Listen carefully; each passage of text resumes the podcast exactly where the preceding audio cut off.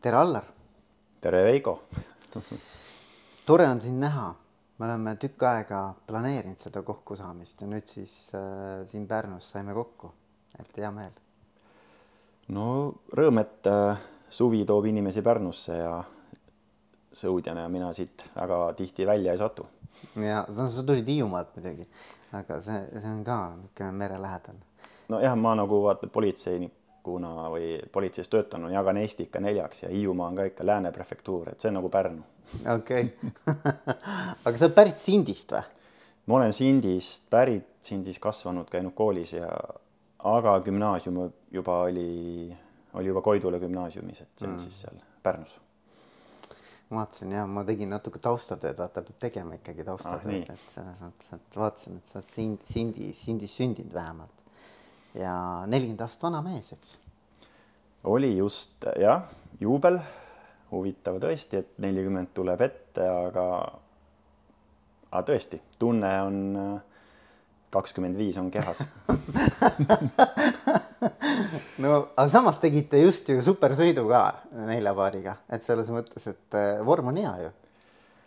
ma imestasin ka ise, et ähm, kui ma oleks noorest peast osanud sedasi ennast äh, kuidagi ette valmistada võistlusteks, siis ähm, et see oli, see oli imepärane, et ma ei ole sellise kehaga varem võistelnud, kus kogu, kogu protsess on nauditav ja, ja on, ja on tõesti mõnus, ei mingit piina, elevus, põnevus, soov kihutada.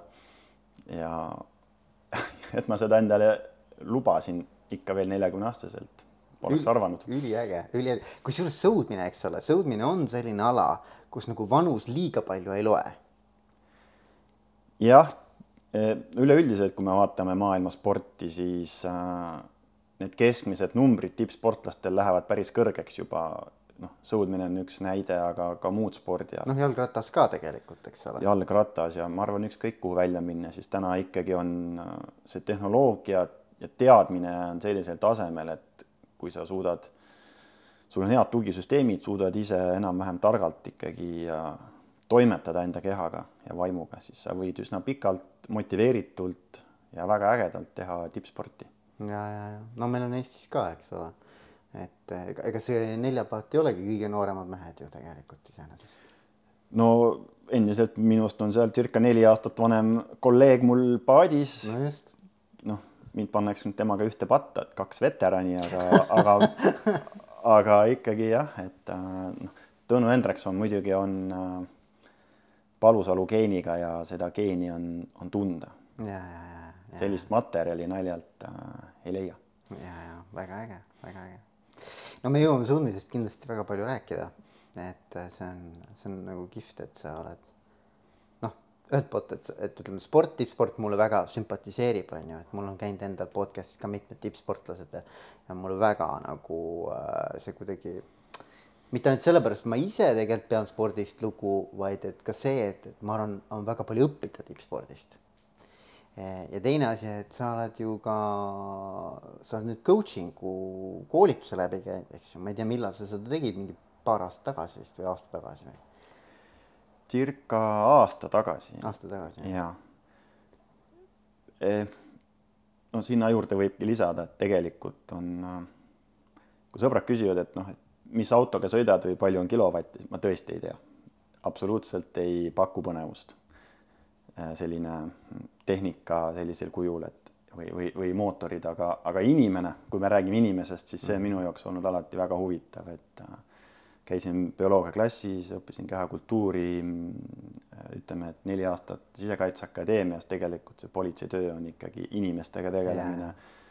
ma nüüd ei ütle, ma olen olnud mingisugune uurija või korralik konstaabel kuskil, aga ikkagi selle tunnetuse saab kätte ja ja see hetk, kui see coaching ikkagi lauale tuli ja see EBS-i see diplomiõpe sai läbi käidud, siis ma noh, see oli ikka täielik taipamine, et see on see on see koht, kuhu ma tahan äh, sisse minna, sisse vaadata. tahan seal äh, jalga maha panna. et see, et see on, no ma ütlen ikka naljatades täna kahte asja, et peale seda kooli, kooli nii-öelda siis või diplomiõpet EBS-is äh, ma olen veendunud kahes asjas. et äh, üks asi on siis, et iga inimene vajab äh, või vajab, võiks tahta või lubada ennast coach ida ja olla coach itav. ja teine pool on see, et ma olen veendunud mikrobiomis, et kui inimese mikrobioom on korras, siis ta, siis ta on väga võimekas. aga ma arvan, et sinna me täna ei vaata, see on, see on valdkond, kui sellest rääkima hakata, siis väga raske nagu jälgida, mis see teema on, aga, aga soovitan vaadata oma kõhtu, sest meie kõht elab mm,. Mm. okei okay,, väga äge, ma ei teadnud seda teemat, sa oled nagu enda jaoks äh, noh, nii-öelda nagu avastanud või, või selle kuidagi oluliseks pidanud? ma võin siia õhku riputada jah, sellise mm, väite, et, äh, et, et meie kõht, meie kõhu ja aju vahel on äh, otsene seos. Hmm.. seda ei ole vaja, see ei ole nii-öelda uudujutt, vaid see on reaalselt tõestatud, see gut-brain axis. Ehk siis sinu kõht tellib ehk siis sinu kõhus elavad bakterid, nad elavad, eks ole, märksõna elavad, tellivad teatud tegevusi sinu ajult. noh, alustades kräpptoidust või siis brookolist on ju mm,, millega nad on harjunud ja, ja. ja sealt võivad nad tellida ka tujusid, emotsioone, äh, sinu käitumist, sinu und, sinu immuunsust, äh, kõike muud, äh, noh, vaimne stabiilsus. ja kui sinu podcast'i nimi on ikkagi juhtimiskvaliteet, siis juhtimiskvaliteet algab sellest, et ju juht on, kuulab oma kõhtu ja tal on kõhutunne hästi välja arenenud, et äh, ega need tegelikult lõpuks ei ole üksteisest väga kaugel olevad asjad, juhtimine ja kõhutunne, eks ole. ja, see on huvitav jah, et, et selles mõttes, et see läheb sinna valdkonda, et ikkagi et kuidagi vaadata nagu inimest holistiliselt, eks ole, et, et nagu, et sihuke keha, vaimu ühtsus või nii-öelda omavaheline nagu seos, eks ju. et äh, see on nagu niisugune Ehm, ühendatud anumate süsteem, eks, et kui ühes kohas asjad lonkavad, siis see annab tunda teises kohas ka Tä. täiesti nõus, et ähm, noh, tippsport on võib-olla nii palju mulle kogu aeg ja endiselt veel õpetab, eks ole, et äh, kuidas ma saan optimeerida oma tegevust, efektiivsem olla, vähema ajaga. ja see protsess kogu aeg käib, eks ole, et ja sa lihtsalt lisad neid väikeseid nüansse sinna ja see on, ma arvan, ükskõik mis tasemel keegi, kes tahab saavutada edu mingis mm -hmm. valdkonnas. noh, minu näide lihtsalt on tugevalt spordis yeah., aga seal võib ükskõik olla muusika, kunst, ärijuhtimine, eks ole, et seal ka ikkagi lõpuks stressisituatsioonis on küsimus, kuidas su, kas su keha peab vastu. ja, ja, ja, ja, ja ei, see on põnev jah ma ei tea, kui palju me sinna täna läheme ei maksa sinna liiga palju süüvida ja aga, aga, aga see on põnev, et sa nagu tood selle lauda, see on huvitav jah. aga siis äh, jah, et siis see politseiniku töö, et kui ma ei tea, kui palju see sinu maailma täna nagu äh, või energiat ja aega äh, sinna paned? sinna ma täna ei pane palju, ma tegin eelmine aasta alguses otsuse, et ma tekitan ruumi enda ellu, ma PPA-st tulin ära. Eesti Politsei Spordiliidus ma olen endiselt tegev, ma olen seal president ja ja politseisporti me läbi selle arendame. Ehm, miks ma tegin ruumi, oligi see, et äh, tahtsin võtta seda ühte viimast aastat, mis nüüd juba kestab, eks ole, kaks aastat spordis, nii et ma saan äh, hoida seal fookust ja see coaching'u teema tuli niimoodi sisse, et ma tahtsin sinna panna rohkem energiat mm. -hmm. et kui see kool algab, ma olen saba ja sarvedega seal äh, coaching'u õpingus sees, iga päev loen, ma mõtlen ja sa noh, kindlasti oled ise ka tajunud, et kui sa millesse uude süüvid ja lähed sisse, siis sa hakkad tunnetama, kuidas nagu hakkabki nagu muutuma sinu nagu protsessid sinu ajus hakkavad muutuma, kuidas sa hakkad nägema või taipama uusi olukordasid, et et see ma noh, ma olin nii lummatud selles protsessis, kuidas oli segadus, kuidas hakkas selgus tekkima, oli järgmine segadus, et see õppimine võttis sellise hästi põneva nagu nurga minu jaoks. ja, ja, ja siis on ka selline ettevõte nagu Pivotly. jah. kui palju sa sellega täna tegeled? Pivotly on, ähm, ongi minu jaoks nii-öelda uus aken, et äh, et see on meie ettevõte, et me koolivendade või õdedega siis, kes me seal õppisime EBS-is selle executive coaching'u õppes olime, siis nelja peale tegime selle Pivotly ettevõtte. Pivot ehk siis nii-öelda kas kannapööre, pööre või teatud muutused mm, -hmm. et me kõik tegelikult äh, midagi sellist oma elus just olime tegemas ja, ja endiselt see kannapööre minu jaoks nagu, nagu käib alles, kuna ma olen veel otsapidi spordis sees, teisest küljest ma ikkagi väga tugevalt vaatan väljundit äh, coach'ina või siis äh, inspiratsioonikõnelejana või motivaatori, motiveerijana, kas siis, kas siis ettevõtetele, juhtkondadele, high achiever itele või siis spordis nii-öelda kogemusmentorina, et et ja Pivotli oli siis selline meie kooslus, kus siis erineva valdkonna inimesed suutsid teineteist täiendada ja vajadusel siis suudame ära katta ka nagu suurema tellimuse ideaalis ja koos teineteist push ida, edasi lükata, esitada neid coach ivaid küsimusi, et et kas me teeme piisavalt seda, mida, kuhu me tahame jõuda ja, ja mismoodi me saame olla paremad ja ja, ja see on nii-öelda, ma näen, et teekonna algus. ja Ei. sinu üks äh, hingeasi, eks ole, on holokraatlik juhtimissüsteem. ka meie oleme, me peaksime sinult konsultatsiooni võtma, et me oleme, me oleme sinna langenud minu arust, et, et kus ei ole ühte juhti, kes annab korraldusi, vaid me ise peame protsessides leidma selle kesktee, mis on väljakutsuv. muidugi, loomulikult. oskad sa mulle kohe öelda kolm nõuannet ma arvan, et äh, ma annan ühe nõuande. anna üks. ma annan ühe nõuande ähm,. usaldus, ma arvan, et see on nagu usaldus on selle tegelikult nagu kõige-kõige-kõige alus mm. -hmm. ja mhm. usaldus selles mõttes, et iseenda vastu mm -hmm. ja usaldus ka tegelikult nende teiste nii-öelda kaasteeliste või, või kolleegide või tiimikaaslaste vastu. et ma arvan, et see usaldusest hakkab kõik pihta, et äh, see on minu arvates nagu kõige-kõige fundamentaalsem küsimus, et kas meil on olemas see nii-öelda baasusaldus üksteise vastu, iseenda vastu ka. ja siis hakkavad asjad, ma arvan, hoopis teisel tasandil liikuma, et, et see oleks nagu mu esimene selline, selline nõuanne või soovitus, et sinna vaadata. aga mul, kui ma siit edasi küsin, et mismoodi see usaldus nii-öelda, vaata ettevõtted ju ka väärtusi panevad kirja, panevad seinale, mm, kommunikeerivad neid, aga väga tihti jäävad need lihtsalt sõnadeks. et mis, mismoodi noh, see on üks väärtus peaks olema, siis on usaldus, kuhu me siis taandume, kui on vaja midagi lahendada, eks ole, et mm, -hmm. et, et mismoodi sina kirjeldaksid usalduse sellist, usaldust iseenesest inimeste et vahel. kuidas, et noh, ta on nagu niisugune abstraktne termin, eks ole, et kuidas ja. sa sellele küüned taha saad või mm, -hmm. et kuidas ma saaks seda kuidagimoodi nii-öelda nagu noh, käega katsuda või miskit moodi nagu teha nagu äh, mm -hmm. mõõdetavaks või, või kasutavaks, eks ju yeah.. et ma arvan, et see, see on nagu hea küsimus ja, ja noh, loomulikult on olemas igasuguseid teste, igasuguseid küsimustikke, on ju. ma arvan, et see ei ole see koht. Ma arvan, pigem on see koht, et istuda maha, mis iganes, kui suur see meeskond on, eks ole mm. -hmm. ja esimene asi, mis näitab usalduse taset, on see, et kas me üleüldse räägime nendest teemadest, mis mul tegelikult praegu hetkel meie ühise eesmärgi, ühis, ühise koostöö osas on, kas ma julgen noh, küsida enda käest see küsimus, kas ma julgen neid lauale panna neid teemasid, mis mul päriselt tegelikult siin nagu mm -hmm. äh, noh, üleval on, kripeldavad, eks ju. või ma tegelikult räägin ikkagi mingisugustest väga asistest asjadest mm -hmm., noh, nii-öelda, et noh, mis mingisugused äh, teemad on vaja praktiliselt ära lahendada, eks ole aga kas meil on mingid asjad, mille me ei pane lauale? võib-olla see esimene küsimus ongi, et kas on midagi, mida ma tegelikult tavaliselt ei ole rääkinud, aga tegelikult ma tahaksin kogu aeg rääkida mm. -hmm. ja kas ma julgen selle laua peale panna? võib-olla see on esimene asi.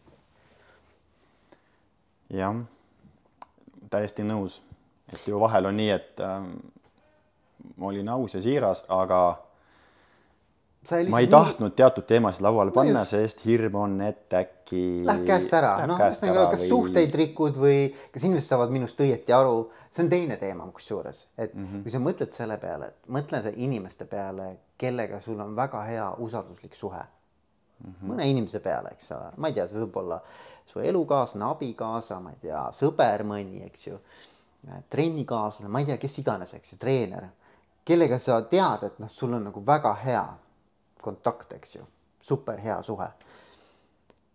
kui sa temaga midagi räägid, ükskõik mis teemal, see kommunikatsiooni kvaliteet milline see on, kas me mõistame üksteist või ei mõista, eks ju, loomulikult, et palju lihtsam on inimesega rääkida, sest ta mõistab sind poole sõna pealt, eks mm. -hmm. aga kui sul on inimesega suhe, kellega sul usaldus on väga madal, siis ükskõik, kuidas sa seletad iseennast, see inimene lihtsalt ei saa aru või sina ei saa temast aru. ühesõnaga, et, et see, see kommunikatsiooni äh, noh, nagu ütleme, niisugune läbipaistvus ja selgus on niivõrd palju hägusam.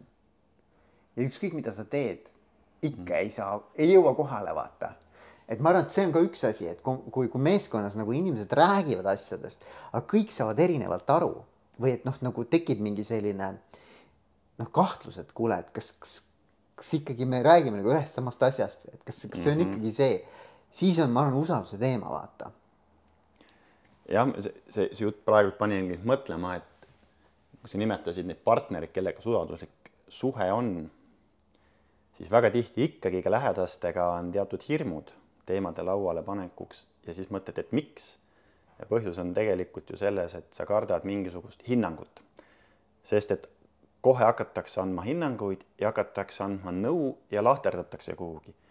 sellepärast ongi coaching'u suhe äh, noh, fenomenaalne, et seal on kokkulepped mm., mida väga vähe kasutatakse tavaelus kokkulepped, lepime kokku teatud asjades ja täiendame kokkuleppeid või nii-öelda recontract ime nii-öelda nagu on mm. coaching us, eks mm. ole, et kui tundub, et midagi tuleb lauale. ja, ja mida coach ütleb alati? noh, coach'id on üldiselt professionaalselt on hinnanguvabad. ma ei anna absoluutseid hinnanguid sinu käitumisele või otsustele või mõtetele. oluline on, et, et läbi, läbi selle tekib maksimaalne usaldus, kuidas saab lõpuks teemasid lauda panna, isegi kui me kokkulepet sõlmime mm. -hmm. jõuame kuskil kolmanda, neljanda, viienda sessiooniga kliendiga sinna, kus ta hakkab alles.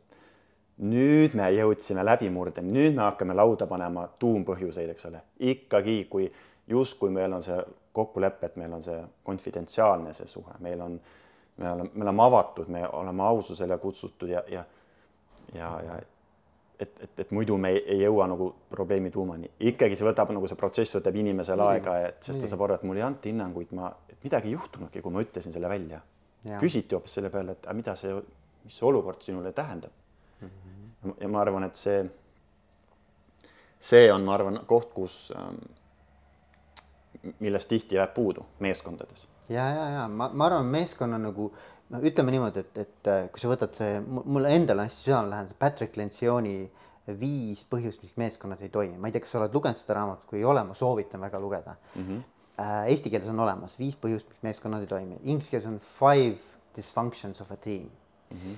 ja seal on niimoodi, et on nagu, nagu viis erinevat kihti või tasandit meeskonnatöös kvaliteedi mõttes ja esimene tasand, kõige esimene on usaldus, usaldus mm -hmm. ja, ja ma arvan, et just nimelt, et nagu, et enamus meeskondi on tegelikult geniaalsed tegijad, eks ju aga kui see usalduse tase ei ole paigas, on ju, kui sellega ei ole tegeletud teadlikult, kui noh, see on kuidagimoodi juhtunud, eks ju, läinud niimoodi ühte või teistpidi, siis äh, ikkagi need tulemused jäävad nagu poolikuks või, või keskpärasteks, eks, et nagu, et, et, et ma arvan, et sellega on hästi-hästi oluline tööd teha, ükskõik mis suhtes mm. -hmm. et see ei pea olema töösuhe, see võib olla ükskõik ka sõbra või, või, või intiimsuhe või, või lähisuhe lastega, ma ei tea, mis iganes, eks ju no me ju teame, et, et, et usaldust kaotada on lihtne, aga tagasi võita on äh, noh teinekord ei võidagi, eks ole, et siis, siis on vaja siis on vaja ikkagi väga julgelt teemasid jälle lauale panna, et. aga see ongi, aga juba kui sa selle paned lauda, eks ole, kui sa lähed läbi sellest esmas, nagu sa ütlesid,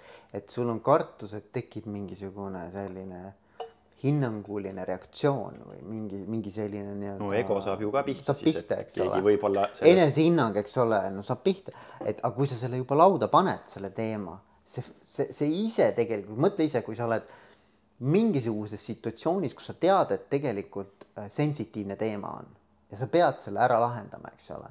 üks asi on see, et sa lükkad seda edasi mm. -hmm. sa ei taha tegeleda sellega, onju. aga kui sa ühel hetkel ei ole võimalik enam edasi lükata ja sa paned selle lauda ja sa tood selle kuidagimoodi nagu noh, open to the air, eks ju, paned nii-öelda nagu noh, ei saa enam mööda vaadata, eks.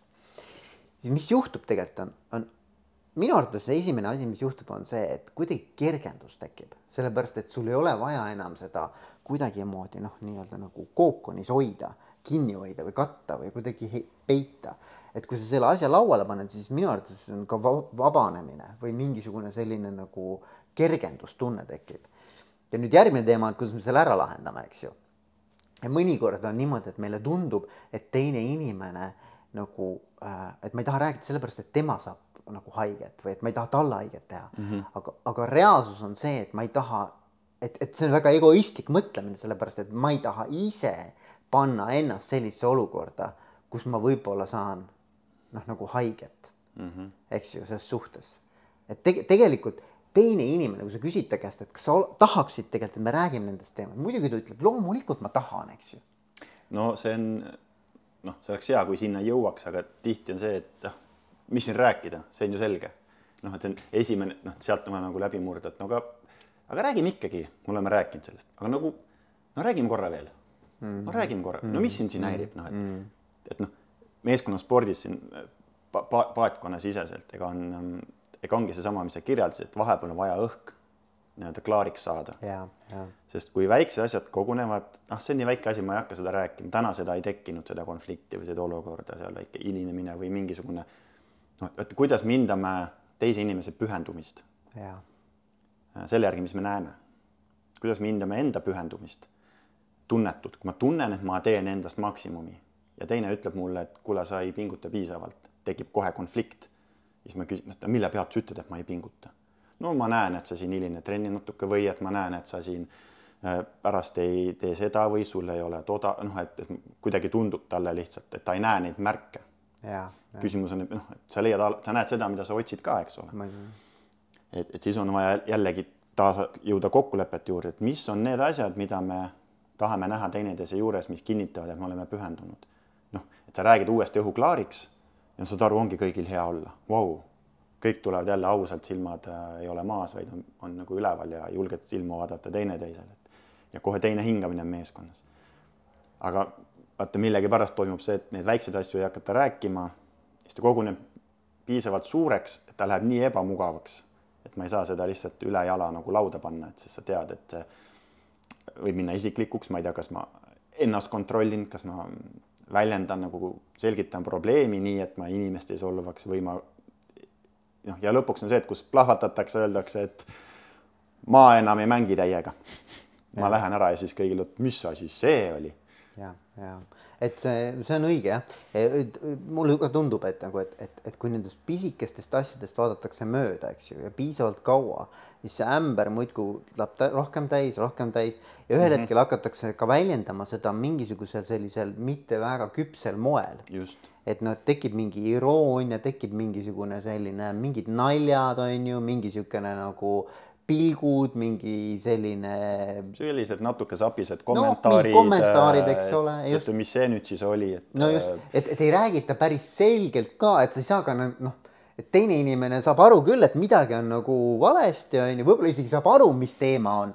aga kuna tema ka ei räägi seda, ei pane mm -hmm. nii, et kuule, et okei okay,, istume siis nagu maha, räägime selle asja selgeks, et siis jääb niisugune õhku sihuke mingi kerge niisugune särin kogu aeg, eks ju et, äh, et just, et seda ei oleks, et, et, et peab olema nagu, see on võib-olla ka üks nagu meeskonna kokkulepe, et lepime kokku, et kui kellelegi midagi ei meeldi, midagi nagu tundub, et nagu ei ole päris nii, nagu peaks, siis kohe öelda, on ju, et noh, et ei ole niimoodi, et me ootame ja vaatame seda õiget momenti või nagu ma ei tea, nagu et ütleme, tööalases suhtluses on, et, et aasta arenguvestlus, eks ole, ootame aasta aega, et ja. siis ma ütlen sulle. no et see ei käi niimoodi, eks ole. see on väga aeglane tempo ja palju võib muutuda, head töötajad võivad ära minna, et aga noh, see võiks olla ikkagi tiimiliidri või, või juhi roll tegelikult.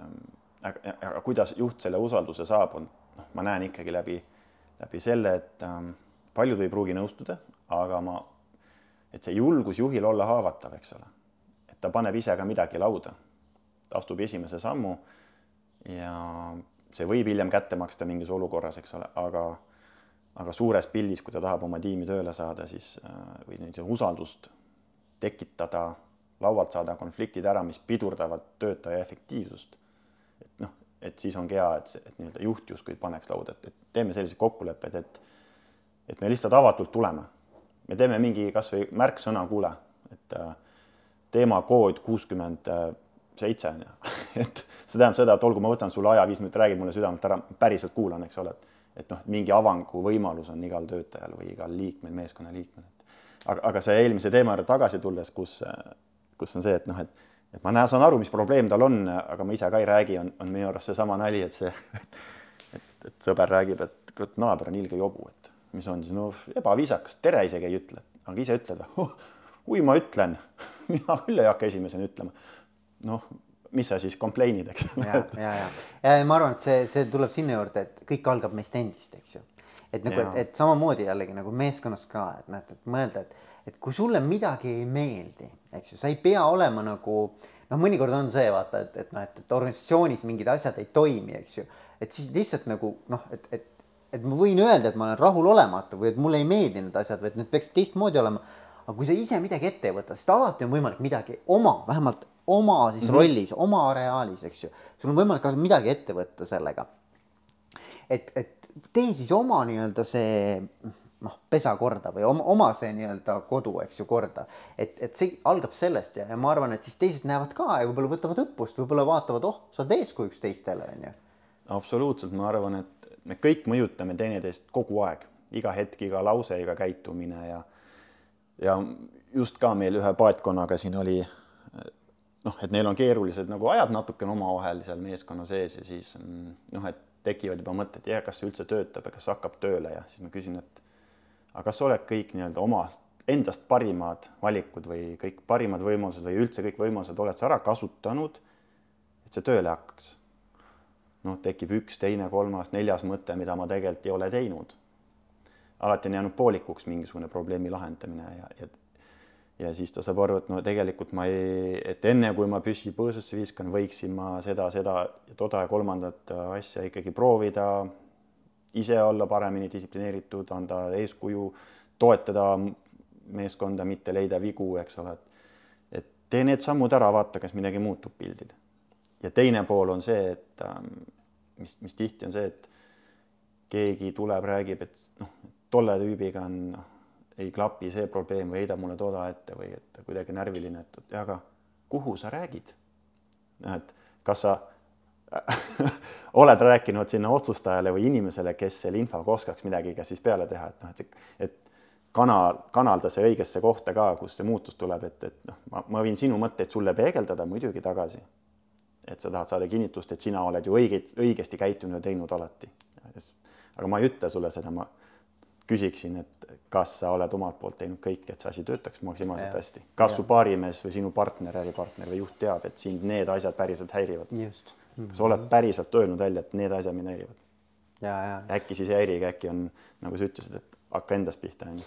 no just ja, ja tegelikult noh, jällegi vaata, et ma olen nii mitmes podcast'is seda rääkinud, ma räägin ikkagi uuesti seda mm, -hmm. et, ähm, et kunagi ma tegin äh, Äh, tegin ühe pereterapeudi või baariterapeutiga tegin äh, ka podcast'i ja siis tema selles kabinetis, eks ole, või selles vastuvõtu äh, nõustamisruumis, eks ju.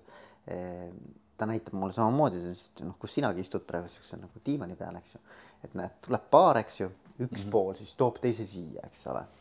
ja et noh, tehke ta korda, eks noh, piltlikult öeldes, eks ole. ja siis, ja siis ta ütles, et, et noh, et tavaliselt või noh, ütleme reeglina on see, et see, kes siis ütleb, et teine on vaja korda teha, siis tema peab tööd tegema selle inimesega rohkem, kes siis arvab, et noh, temaga on kõik korras, aga teine pool on nagu nagu vigane või nii-öelda vajab parandamist, eks ole. et, et nagu, et, et mõeldagi selle peale ka, et, et et see on ikkagi, me oleme nagu süsteem, eks ju, et nad kõik suhted on omavahel, nagu sa ütlesid ka, me kogu aeg mõjutame üksteist.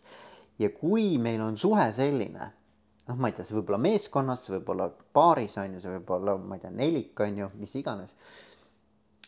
kus ma tunnen, et asjad ei ole nii, nagu peaksid olema, siis on küsimus, esimene küsimus on, et aga mida mina teen, mina ise -hmm. selleks, et see jätkuks nii sest ma midagi pean tegema mm, -hmm. et ma luban sellel olla sellisena mm. -hmm. ei saa ju olla ju niimoodi, et noh, et ma olen rahulolematu mingisuguses äh, inimkoosluses, eks ju, mingis suhtes ja noh, et, et, et see ei ole ühepoolne, see on see tango mm, -hmm. tang-, tantsitakse koos, eks ole. et noh, ma pean midagi ka tegema selleks, et see ikkagi jätkub, see rahulolematus järelikult vaata otsa, et mida sina siis oma tegevusega nagu lood, et see saaks jätkuda. noh, et see on nagu, saad aru, et see ei, see ei ole nii, et nagu, et, et vaatad, et näed, et tema teeb midagi valesti, võib-olla teebki, on ju. noh, selles mõttes, aga midagi teed sina ka selleks, et sa, tema saaks seda jätkata, seda tegevust. ja oled lõpuks ju kaasosaline. et jah, just, et, et selle teemaga ongi väga lihtne nagu mõelda, et et kui meeskonda, korra läks nüüd mõte ära, aga, aga kui meeskond püüab nii-öelda ühises eesmärgis selgusele jõuda, eks ole, et mida me tahame saavutada, siis on äh, siis on oluline aru saada, kuidas me seda saavutame, et erinevad lähenemised või mõtted võivad olla, et jällegi tuleb, taandume sinna, et tuleks korra laual lahti arutada, et, et me ei hakka äh, seda tekki nii-öelda tõmbama üksteiselt enda peale, et, et minu teooria lähenemine on õige, et et äh, seal Peep Aaviksoo alati ütleb, et it, it's not important to be on the right side, it's important to be on the same side mm. või same page, eks ole, et, et sa oled nii-öelda mm., ei ole oluline alati, et, et me oleme nüüd justkui sellel kõige õigema strateegia valinud, vaid me peame ühtemoodi aru saama, mis see strateegia on. Jaa. ja siis aru saama, kas see töötab ja kui me midagi muudame, siis me oleme nii-öelda selles asjas, me oleme koos, et noh, et see on vaja nii kaua lahti rääkida, nii kaua argumenteerida ja, ja tühjaks rääkida, et sinna ei jää nagu ebaselguse hetke, et noh, et ma ei tea, paatkonnas, eks ole, et lähme olümpiale, tahame olümpiale jõuda, niisugune natukene umbmäärane eesmärk, võib-olla mõnele väga konkreetne, väga selge, olümpiale saamiseks ma pean saavutama sellise taseme, piisab, kui ma teen nii palju. ja teine mõtles sellele automaatselt, ma tahan olümpiakulda. kümme protsenti võib olla juba vahe, kui palju üks paneb sisse ja kui palju teine paneb sisse. Üks saavutab eesmärgi, jõuab olümpiale, teine on täielik pettumus, sest et ta näeb, et meeskonnakaaslased ei tee seda ekstra sammu kogu aeg. noh, ja siis on küsimus, kas ta nagu lepib sellega, kas ta on seal olukorras närviline või ta püüab uuesti lauale panna ja öelda välja siis selle, et et, et ma ei tea, neljane, viiene, kuuene on tiim, eks ole, et seal on treener või sportlased või on meeskond siis, et ja siis, kui sa hakkad ähm, neid eesmärke välja ütlema, siis on päris üllatav, et sa mõtled päriselt olümpiakullast näiteks mm.. Vau. vaata, mina ei mõelnud nii palju, ma ei uskunud, et me võiksime seda päris, ma mõtlesin, et kui me saaks olümpiale, oleks jube äge. sa tõstad lati peale, palju meil aega on, sada päeva. kas see on reaalne, on, mis me selleks tegema peame mm -hmm.? okei okay,, mida ma pean nagu ise, mis ma oma elus pean täna muutma selle jaoks, et sa lähed nagu äh, grupi eesmärkidest, mis on hästi, noh, on lihtne, et meeskonna või ettevõttel on ka eesmärgid, on konkreetsed, paika pandud, ajas mõõdetavad ja siis sa liigud sealt individuaalsele tasemele. kui, kus on see ühisosa maksimaalselt suur ja mis see indiviid saab nagu maksimaalselt oma positsioonis oma tugevusi teades või arendades siis teha, et see meeskond liiguks eesmärgi poole, et et siis hakkab see nagu mäng hoopis teisel levelil nagu, nagu, nagu pihta ja kui ma siin ühe, ühe tiimiga tegin sellist kah tiimi tiimi, noh, ma ei tahaks öelda koolitus, ütleme selline treeningpäeva ja siis lasin nii-öelda siis ettevõtte eesmärgi välja öelda. ütleme, et seal olid äh, juhtkonnas oli äkki kaks naist ja kaks meest ja siis olid mõned töötajad. ja siis ikkagi mm, öeldakse, et mehestel, kui sa tahad suurt visiooni, siis võta nagu siis küsi, too mees nagu pardale, et meestel on sellised suuremad visioonid ja kaugemale, kaugemale ulatuvad visioonid ja siis ma ütlesin, et, et noh, et kuidas te nii madala taseme, kuidas te lati nii madalale panite, mina nägin kogu aeg, et me, et me võtame siin Baltikumis turuliidri koha selles vaates või oma, oma toodetega.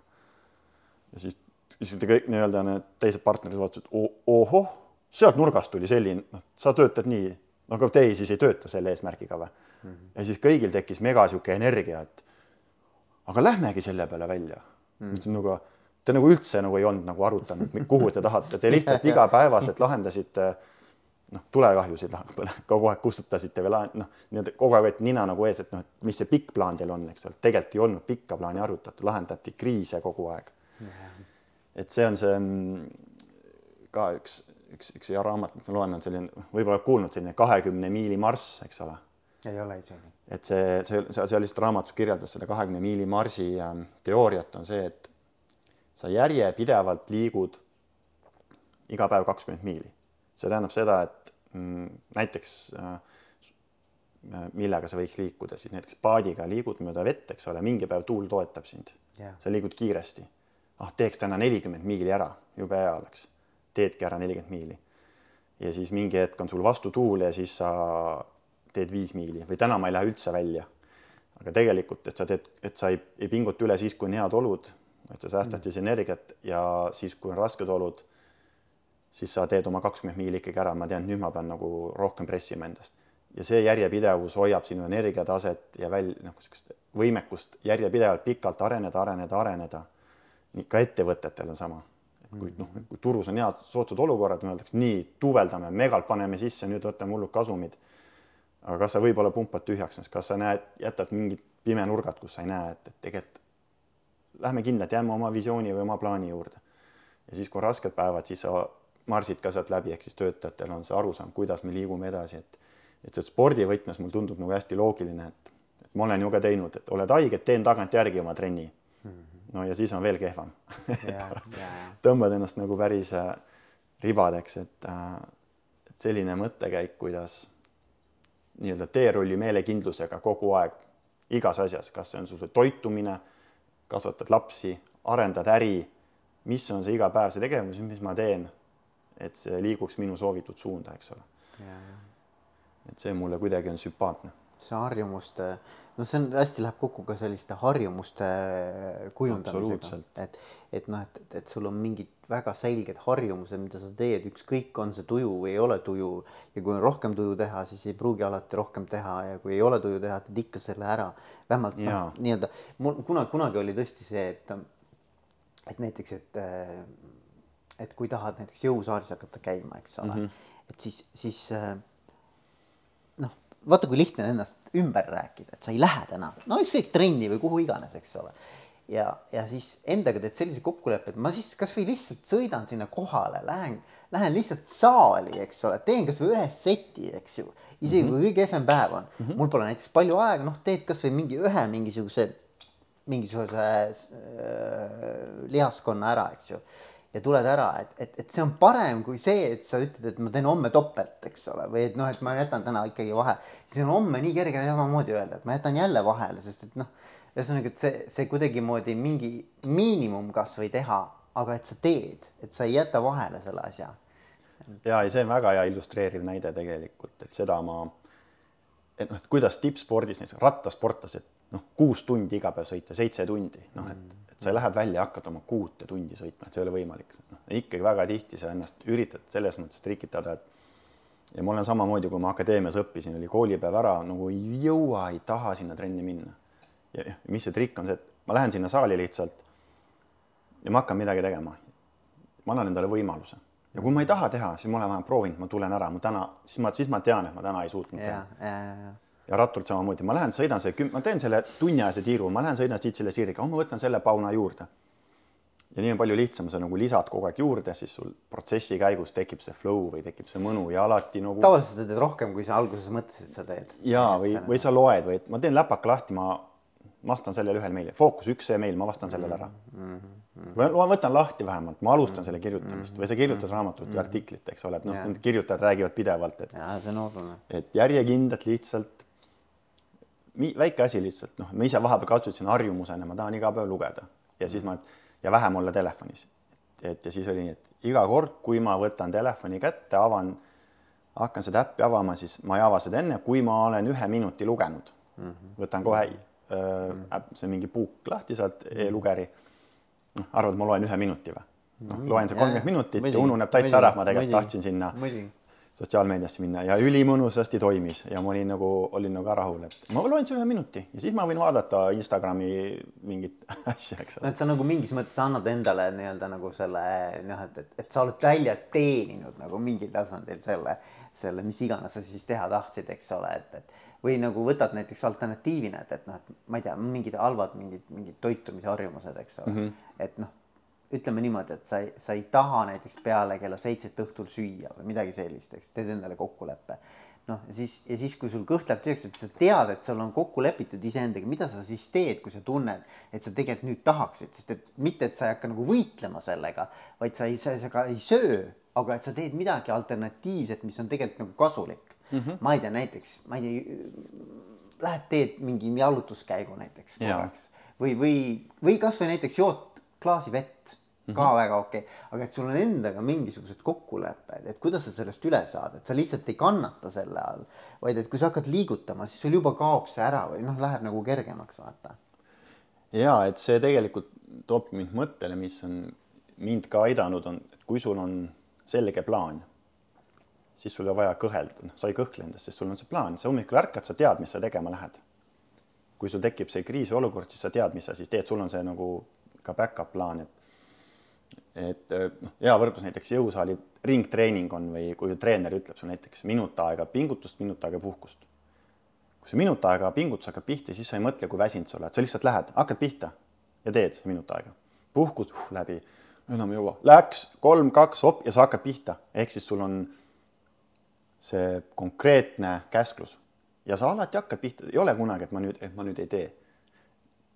et see on nagu äh, asi, mis aitab äh, olla järjepidev eesmärkide poole liikuda, kui sul on konkreetne plaan, sa tead hommikul on need, need rutiinid, sa töötad rutiinid enda või harjumused enda kasuks, sa lood selle keskkonna ja ja need asjad saavad tehtud ja kui sul on jah, see kokkulepete pool, kokkulepe teistega üks asi ja kokkulepe iseendaga samamoodi. ma leppisin kokku, mul ei ole vaja argumenteerida või kas ma lähen või ei lähe.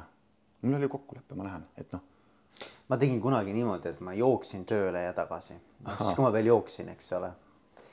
ja, ja vaata, see hommikul noh, sa ju ei küsi enda käest, kas ma lähen täna tööle või ei lähe, eks ju. et noh, mul ainuke variant oli see, et et ma, mina jooksen tööle, eks ole, olenemata ilmast. no vaata, jooks ongi selles mõttes hästi lihtne, et sul on vaja ainult nagu õiget riietust ja, ja siis noh, põhimõtteliselt vahet pole, mis väljas toimub, eks ole. Et ja siis vihma sadas või ma ei tea, lund sadas või mina ikka jooksin, eks ju. aga mis põhjusel sa sellise eesmärgi panid, et? Eh, mul oli nagu pigem see, et vaata, et mul oli ka jooksmisega see probleem, nagu sina praegu kirjeldasid jalgrattureid, et ma tegin hästi pikki maid, onju, ma tegin saja kilomeetri jooksu ja ühe korra isegi saja miili jooksu ja, ja noh, ma mingi maraton oli nagu sihuke, sihuke tavapärane. ja, ja vot selleks treenimiseks on vaja aega, noh küll mm -hmm. vähem kui jalgratturid, aga ikkagi sul on vaja mm -hmm. aega. ja ma mõtlesin, et noh, ma tahan kuidagi integreerida oma igapäevaellu selle sisse, et see ei ole mitte eraldi aeg, kus ma nüüd lähen trenni, vaid et see on mm -hmm. mu elu osa nagu elustiil mm. -hmm. ja siis ma mõtlesin, et noh, et, et, et jooksen tööle ja jooksen tagasi üheksa kilomeetrit ja üheksa kilomeetrit tagasi. et, et nagu, et selles mõttes nagu suurepärane treening ju absoluutselt. ja mitte ainult treening, vaid tegelikult oli nii, et kui mina tööle jõudsin, ma olin üheksa kilti jooksnud, eks ju. ma olin täiesti nii-öelda pumped up, et ma nagu mm -hmm. andke see kont kätte, ma närin selle läbi. teised ja. tulid, hakkasid alles nagu kohviga ennast üles turgutama, eks ole. ma olin juba nagu täiesti valmis, eks. ja, ja siis, kui ma jälle ära jooksin, siis oli see, et et vaata, sul päeva jooksul tekivad ikka mingi stress ja mingid probleemid, mingi, mingid teemad, eks ole, mis sul ketravad. ja siis ma sain kogu selle jooksu ajal kuidagi ennast nagu maha laadida. et noh, kusjuures väga häid mõtteid tuli sel ajal veel. nii et ma jooksin mõnikord ka diktofoniga, et ma rääkisin ma mõtteid no, no selle jooksu ajal. et noh, minu jaoks oli see nagu suurepärane, et ma sain trenni tehtud, ma sain tööle, ma sain töölt tagasi, ma sain nagu noh, kõik oli nagu, see oli kuidagi integreeritud minu ellu no ma arvan ka, kes nüüd kuulavad, eks ole, et tehke, tehke omale mingisugune alternatiivne lähenemine, et, et, et noh, ülipalju plusse, eks ole, mis sa praegu välja tõid, et, et noh, et, et parajas koguses doseeritud treening annab meile energiat, ta ei võta energiat, ta annab, ta paneb kehas protsessid tööle, sest ma tunnen ka, et mõni päev on loid. nii jabur, kui see ei ole, mul on hullult väsinud, aga ma lähen teen ühe treeningu noh, ma ei tee nii-öelda keelvestil treeningut, ma lähen teen rattaga neljakümne mintsase tiiru või ma lähen siis käin jooksutiiru wow,. ja nüüd on energia. andke mulle, andke mulle see kont, ma, no, ma ta, ja siis juba noh, juba treeningu lõpus on nii, et võidaks juba kohale, mul on noh, niisugune tahe on peal ja, ja teine pool päevast õhtul, eks ole, tihti ma olen ka läinud talvel kell kuus pime või sügis-kevad, eks ole, lambid peale rattaga, lähen sõidan poolteist tundi, sajab vihma, vahet ei ole, riided olemas mm. -hmm. Vau, kui mõnus, sa laed maha no,, sa oled lihtsalt, tuul vuhiseb ümber ja mis mind tagasi hoiab? mitte midagi, lihtsalt muretsev varustus, lihtsalt äh, loo see harjumus võimalikult kergesti tehtavaks, eks ole. no mõnes mõttes ma paningi ennast nagu ju fakti ette, et noh, et ma lähen tööle, sa ei küsi endalt, kas ma lähen või ei lähe mm -hmm. ja, ja minu noh, meetod või transport oli jooksmine, eks ju. noh, et iseküsimus oli, mõnikord oli nagu kiirem tempo, mõnikord oli aeglasem tempo on ju enesetunde järgi, eks ju. ma kunagi ennast katki ei tõmmanud, eks mm. -hmm et COC tempotrenn, see oli pigem ikkagi sihuke hästi rahulik. saja kolmekümne, saja kolmekümne viiese pulsiga rahulikult äh, jooksed, noh, väga mõnus nagu. no kui me vaatame Holland või Taani veel ikkagi, kus on võimaldatud iseliikumisviisid, noh, ratas naturaalselt inimene ongi tervem, võimekam, jätkusuutlikum, kõrgema ea, nii et, et seal on, see on kvaliteet, mille peale tasub mõelda. sisse integreeritud elu, iga elu. ja siin on nii-öelda just niisugune hea raamat, mis ma loen, on äh, Molecule of More, eks ju, ta räägib nii-öelda dopamiini mõjust. ja, ja miks ma küsin, et miks sa käisid jooksmas, sul oli, et ähm, dopamiini ajus toodetakse nagu ühest kohast, aga ta läbib kaks tsüklit, üks asi on nii-öelda nii desire circle, eks ole, et see on nagu koheselt tahad midagi head kätte saada ja siis see loeb sulle dopamiini nagu, et, et arvutimäng või, või kohe midagi head saada. ja teine asi on siin nii-öelda, mis areneb inimesel välja kahekümnendaks eluaastaks, on aju otsmikusagara võimekus seda dopamiini eh,, dopamiinist tekkivat energiat realiseerida pika eesmärgi saavutamiseks, ta on niisugune kontrollmehhanism, mis kontrollib seda mis, mis see desire võiks olla eesti keeles nii-öelda no, vahetu jah, soov midagi ja. ihaldada kohe, eks ole. et ta kontrollib seda vahetut soovi midagi, midagi saada, ehk siis sa ei võta kohe seda crap toitu, sest sul otsmingusagar on arvutanud välja, et ma tahan tulevikus oma lastega koos teha sporti. kui ma täna teen kehvasid valikuid, siis, siis mida on lihtne teha. hästi suur väljakutse on see, et mitte seda teha, kehva valikut kohe, vaid siis see, see pikk plaan nii-öelda toetab seda, et ma teen paremaid valikuid. miks on nagu, näen oma lapse pealt ka, eks ole, see viieaastane poiss, et kui ta avastas selle, et telefonis saab mingeid mänge mängida ja kui sa telefoni ära annad, ta ei tule enam toime emotsiooniga, et ma võtsin talt ära selle laadimise ja ta tahab kogu aeg uut mängu, uut mängu. ja siis noh, et okei okay,, sorry, anna andeks, poiss, vabandust, et ma sind sinna teele kuidagi lasin mm. -hmm. aga sinu aju ei ole valmis äh, tegema seda otsust, et see ei ole sulle tegelikult hea. ja see otsmikusagar arenebki välja hoopis hiljem ja ja see otsmikusagar ongi, mis planeerib, visionaliseerib, äh, kontrollib sinu vahetuid äh, nii-öelda kehvasid otsuseid, mis ei toida sind mm. -hmm. ja seal see mäng käib kogu aeg ja kui sa ikkagi suudad ennast müüa maha endale, et ma tahan üks hetk viia, miks tasub pikka plaani teha, aasta pärast, viie aasta pärast mingi hetk olla, sa tahad joosta sada miili, selleks ma pean kuidagi leidma võimaluse, et öö, äh, olema jalgadel pikemalt jooksma rahulikul pulsil. ma integreerin omad igapäevaellu selle ja sa oled võimeline tegema, sest see toetab su pikka plaani. ja no,, ja, ja, ja, ja. ja. seal see mäng käib, kellel on ühele poole tugevam see võimekus, et see dopamiin rabab sind maha nii-öelda lühikeste eesmärkidega, see ongi see, et kui sa hakkad oma toitumist muutma, siis ikka kukud ära vahepeal, ei ole hullu, rahulikult, protsess läheb edasi. sa hakkad paremaid valikuid tegema, sest sa tahad olla viie aasta pärast paremas vormis, oma lastega paremas vormis, tahad olla võimekas seitsmekümne aastaselt teha mäesuusatamist nagu Arnold Schwarzenegger, eks ole. et seal on äh, mõttekoht ja seda teades on jällegi nagu võib-olla lihtsam mingitest sellistest ärakukkumistest nagu läbi murda. kuule, aga räägime, räägime sinu sellest ikkagi spordi, spordimehe elust ka. me, ma arvan, me võiksime tunde rääkida nagu sellist nagu, mis on ka väga oluline, ma arvan nagu, et, et, et siukene üldisemat juttu, aga mulle väga sümpatiseerib ikkagi aru saada, et näiteks, et et sa tõid ka näite siin nagu erinevad nagu eesmärkidest arusaamised, eks ju, näiteks meeskonnas, eks. et ma mõtlen, kui te, kui, kui te seal Rios saite selle pronksmedali, eks ju mm. -hmm. et mind täitsa huvitaks, see on muidugi nüüd tükk aega mööda läinud sellest, mingisugune, mis palju aastaid nüüd on siis, seitse aastat mööda läinud sellest, eks ju. mõnda, mõned aastad jah. seitse aastat, aga ikkagi nagu, et, et, et kuidas näiteks te selle sõidu eel nagu eesmärgistasite ennast või kuidas, kuidas te üldse kokku leppisite, et mida me sinna tegema lähme? nagu et, et, et see mind huvitaks, et noh, võib-olla sa ei mäleta täpselt detaile, aga see tunne või, või see nii-öelda nagu see sisekõne ja siis ka meeskonnakaaslastega kõne, et kuid-, kuid-, noh, et te pidite ju omavahel kokku leppima, et mida me sinna tegema lähme. oi, see on, see on kindlasti suur teema, et kuidas sportlane või ükskõik kes high achiever nii-öelda protsessis areneb, et ähm, et lõpuks see komplekt kokku panna siis, kui on palju on kaalul, eks ole, et, et sa võisid olla füüsiliselt näiteks ma olin, ma arvan, mõned aastad juba täiesti küps, aga ma ei suutnud kolm-neli aastat tulemust teha, sest ma ei suutnud panna komplekti kokku siis, kui äh, seal oli palju kaalul, noh, ma ei tea, poolfinaal MM-il, et saada finaali. et noh, ikkagi ebaõnnestus, ebaõnnestus. aga mis seal taga oli, mis, mis, mis see tähendab komplekti kokku panna no,? No seal on tegelemine sellega, et sa hoiad fookust seal, mis päriselt sind hetkel aitavad. paadis sellel hetkel, kui on äh, adrenaliin on üleval, sa pead suutma kontrollida äh, oma tehnilist tööd, oma pingutust, sul on ümberringi müra, kus teised paadid pingutavad, võistlusolukord, kogu see ärevus. et, et seal on neid, neid äh, tegureid on hästi palju, mis hakkavad reguleerima ja, ja see enesekindlus ja see usk, et sul läheb raskeks, sul läheb päris raskeks ja mida sa siis teed. ja, ja, ja, ja kõigil läheb raskeks ja võidavad lõpuks ikkagi äh, on selline üks Uus-Meremaa treener ütles, et mul oli väga hea meeskond neljapaadis. kaks tüüpi olid tough guy'd, kaks tüüpi olid strong guy'd ehk siis erinev asi on strong guy ja tough guy ehk siis mm, tugev treeningul ülitugevad sportlased ei pruugi realiseerida ennast võistlustel, sest mm. et see hetk, kui mentaalselt läheb, noh, et sul läheb raskeks, su keha on piimhapped täis, sa pead, kogu keha karjub sulle, et, et, et see ei ole enam võimeline, see ei ole enam, see ei ole mitte kuidagi enam sulle kasulik, mida sa teed, eks ole.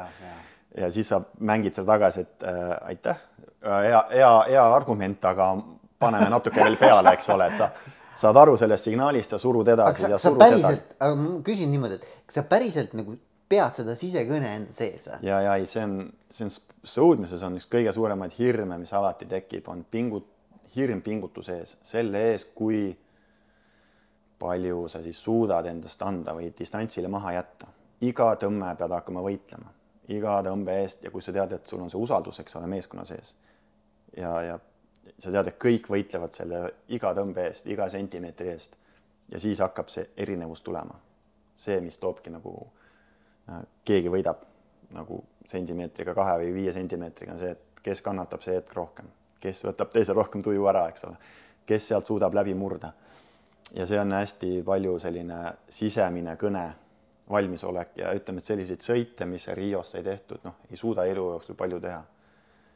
kus on äh, kus sa paned nii palju endast välja, et sa noh, sa oled nii vaim, sa oled vaimselt nii tühi, sa oled ennem sellele juba keskendunud kaks-kolm päeva, sa oled nagu täiesti seal sõidus sees. Sa visualiseerid seda sõitu, seda pingutust, mis hetkel läheb raskeks ja sa oled valmis seal olema nii-öelda, sinna sisse veel minema, minema. sa ei kalkuleeri enam kainelt, kas ma suudan, sa ei küsi neid küsimusi. sa lihtsalt paned veel nagu, veel paned peale, veel paned peale, sul on mingid checkpoint'id, mida sa alateadlikult ikkagi veel jälgid ma olen tehniliselt efektiivne. kas ma sõidan meeskonnaga kokku, kas ma tunnetan paati ja sa lased kaks kuni kolm märksõna. Ja sa, sa loodad, et sa lihtsalt kestad ära. ja tegelikult me kestame. isegi kui sa tead, et sa kestad, paljud ei tule sealt läbi, väga noh, enamus ei tule sealt läbi, sest see, sest see noh, see, see on see, mida sa pead harjutama treeningul, võistlustel, treeningul, võistlustel käid ja käid. ja see ununeb ära, kui sa seda jälle ei treeni et see on nagu eelmine aasta MM-il oli samamoodi, ma teadsin üks, seesama sõit, mis poolfinaal, kus ma pean sinna minema, et me saaksime finaali.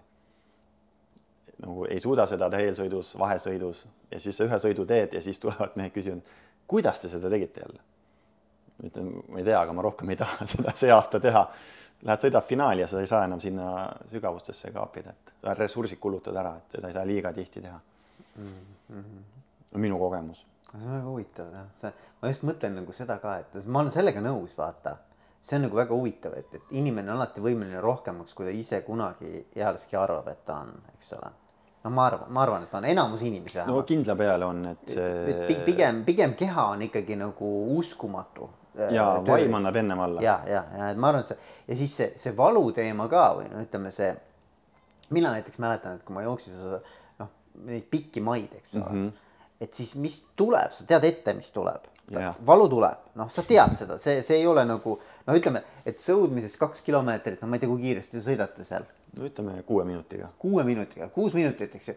noh, päris valusaks läheb ilmselt kuskil kolme minuti peal, hakkab minema juba valusaks, eks. no esimene laksakas tuleb jalgadesse sealt neljakümne viie seki peal umbes. juba, juba, juba no, nii vara, jah? noh, stardikiirendus on maksimaalne okay, sprint okay, välja okay. ja siis tuleb esimene selline hapnikuvõlg, laktaat ja noh, sa tead lihtsalt sa pead teadma, et see läheb üle. Siis just. sa ei anna alla, see, see esimene tiir läheb üle.